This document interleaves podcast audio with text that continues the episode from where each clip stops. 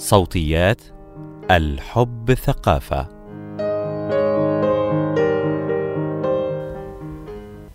أسئلة متكررة عن صحة الرجال الجنسية. مقال لمحمود صلاح. طبقا لمنظمة الصحة العالمية الصحة الجنسية هي حالة من حالة الصحة الجسدية والنفسية والاجتماعية فيما يتعلق بالجنس وليس فقط الخلو من المرض. وهذا يتطلب اتباع نهج إيجابي فيما يتعلق بالجنسانية والعلاقات الجنسية. ذلك بالإضافة لإمكانية التمتع بتجارب جنسية ممتعة وآمنة وخالية من الإكراه والتمييز والعنف. وبالتالي عند قراءة هذا التعريف سنلاحظ أن هناك جوانب مختلفة يجب توفرها للتمتع بالصحة الجنسية والتي تشمل أن تكون بحالة صحية نفسية وجسدية واجتماعية جيدة وليس فقط غياب المرض أو العدوى. أن تكون لدينا المعرفة الكافية لأخذ قرارات مستنيرة متعلقة بحياتنا الجنسية والعاطفية وجنسانيتنا. أن نكون قادرين على الحصول على حياة جنسية ممتعة خالية من العنف أو الإكراه. وبالتالي فالمتعة الجنسية هي أحد جوانب الصحة الجنسية. تأتينا العديد من الأسئلة حول مواضيع متعددة مرتبطة بصحة الرجال الجنسية. لذلك قررت إجابة عدد من هذه الأسئلة المتكررة. أسئلة خاصة بحالات صحية. الرغبة الجنسية. ما هي العوامل التي قد تتسبب في نقص الرغبة الجنسية؟ لبيدو عند الرجال؟ هناك أسباب متعددة لذلك. منها قد يكون ذلك جزء طبيعي من التقدم في العمر. الضغط النفسي أو الاكتئاب تؤثر الصحة النفسية بشكل رئيسي في الرغبة الجنسية. ومن الضروري استشارة الطبيب أو الطبيبة إذا كنت تعاني من مشكلات نفسية للحصول على العلاج المناسب. اضطرابات الغدد التي تؤثر على الهرمونات الجنسية. نقص هرمون التستوستيرون. فقد تؤثر بعض الحالات الصحية على معدلات هرمون التستوستيرون والذي يؤثر بدوره على الرغبة الجنسية. بعض الأدوية كبعض أدوية الاكتئاب ومضادات الحساسية وارتفاع ضغط الدم.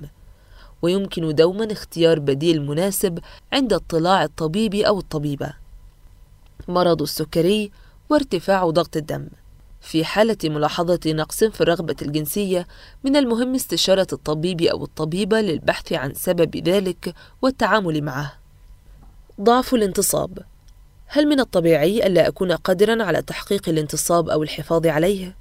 قد يجد معظم الرجال صعوبة من وقت لآخر في تحقيق الانتصاب أو الحفاظ عليه لأسباب مختلفة كالضغط النفسي أو الإرهاق أو القلق أو شرب الكثير من الكحول ولكن إذا كان هذا الأمر متكررا بشكل ملحوظ فقد يشير لوجود ضعف انتصاب ضعف الانتصاب هو عدم القدرة على تحقيق أو الحفاظ على انتصاب كاف لممارسة الجنس.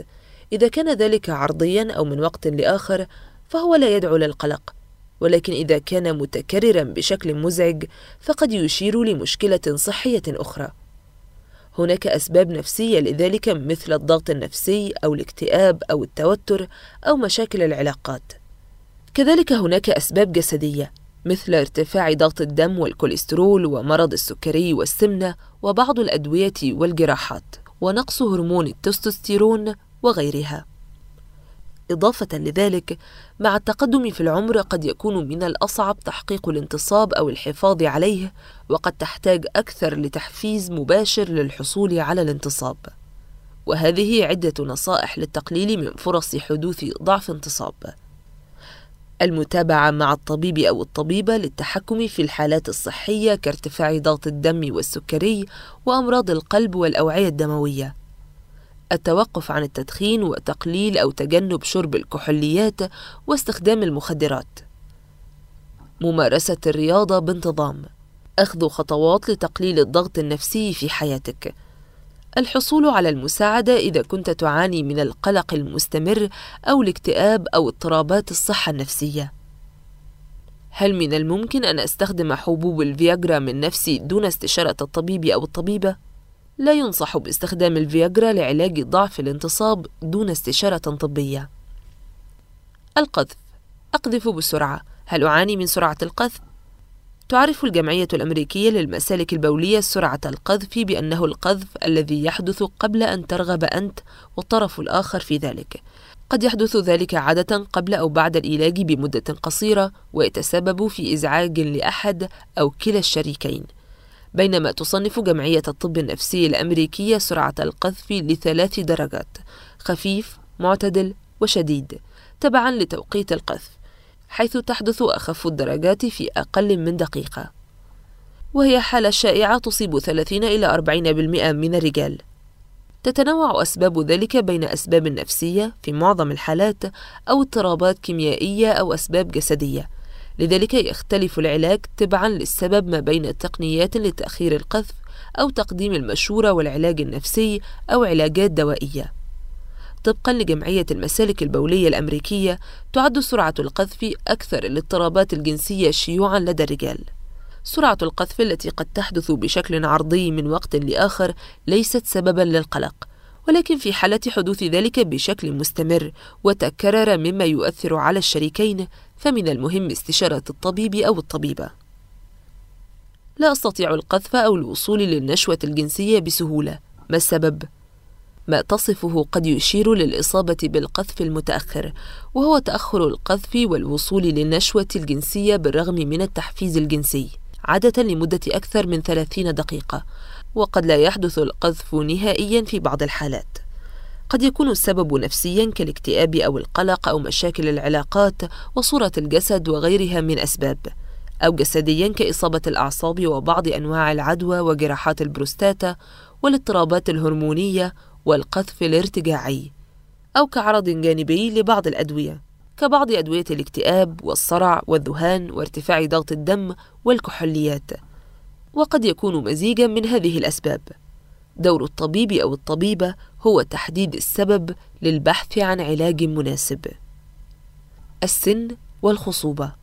هل تتأثر خصوبة الرجل بالتقدم في السن؟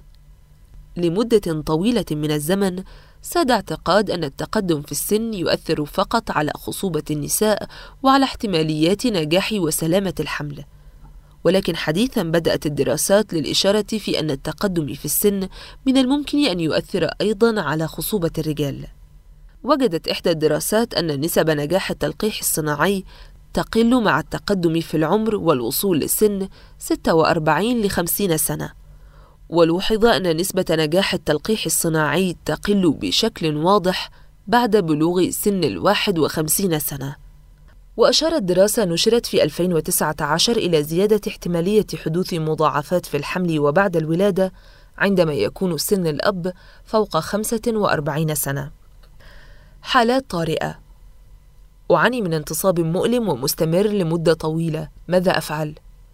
قد تعاني من الانتصاب الدائم القساح والذي يعرف بأنه انتصاب يستمر لأكثر من أربع ساعات في غياب التحفيز الجنسي. يمكن أن يحدث هذا مع بعض العلاجات التي تحسن الانتصاب ويمكن أن يؤدي إلى تلف الأوعية الدموية في القضيب إذا لم يتم علاجه في الوقت المناسب. في حالة استمرار الانتصاب لمدة أكثر من أربع ساعات وفي غياب التحفيز الجنسي يجب الذهاب إلى غرفة الطوارئ في أسرع وقت. أشعر بألم شديد جدا ومفاجئ في الخصية، ما السبب؟ هناك أسباب مختلفة لآلام الخصية، ولكن إذا كان الألم شديدا ومفاجئا ومستمرا بالرغم من الراحة، فمن الضروري الذهاب للطوارئ فورا. فقد يكون السبب التواء الخصية وهي حالة طارئة تستدعي التوجه لقسم الطوارئ فورا للفحص وعلاجها جراحيا لتجنب فقدها. هناك أسباب أخرى أقل خطورة للشعور بالألم في الخصية ومنها العدوى والالتهابات دوالي الخصية الإصابات الفتق الإربي الأورام والكتل. لاحظت وجود كتلة في الخصية أو داخل كيس الصفن. ما السبب؟ هناك أسباب عديدة لملاحظة وجود التغيرات أو كتل في كيس الصفن. بعضها قد لا يدعو للقلق وبعضها قد يكون خطيراً. من الضروري استشارة الطبيب أو الطبيبة عند ملاحظة ذلك للفحص والتقييم. بعض الأسباب قد تشمل سرطان الخصية testicular cancer. بالرغم من كونه سرطان غير شائع نسبيا فإنه أكثر أنواع السرطانات التي قد تصيب الرجال في الفترة العمرية من 15 سنة إلى 49 سنة. لذلك ينصح بالقيام بالفحص الذاتي للخصية مرة شهريا. القيلة المنوية التهاب البريخ التهاب الخصية الفتق الإربي دوالي الخصية أسئلة خاصة بشكل وحجم الأعضاء الجنسية والتناسلية ما هو الحجم المثالي للقضيب؟ وهل الحجم هو العامل الأساسي في المتعة الجنسية؟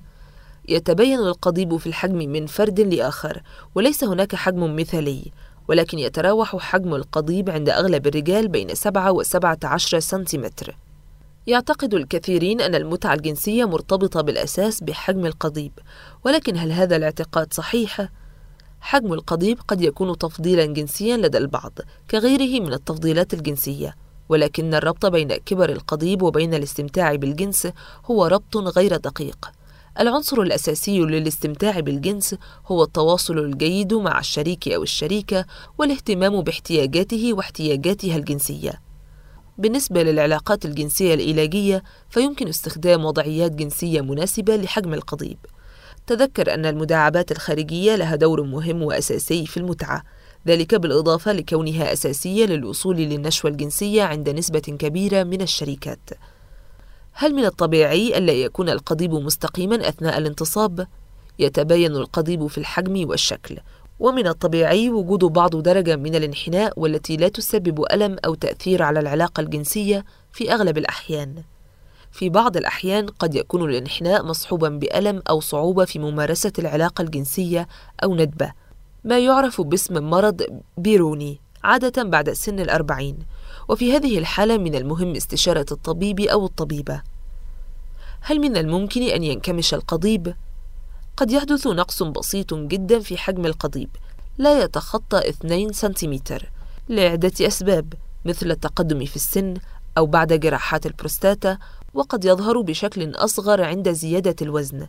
كذلك قد يزيد انحناء القضيب عن الإصابة بمرض بيروني.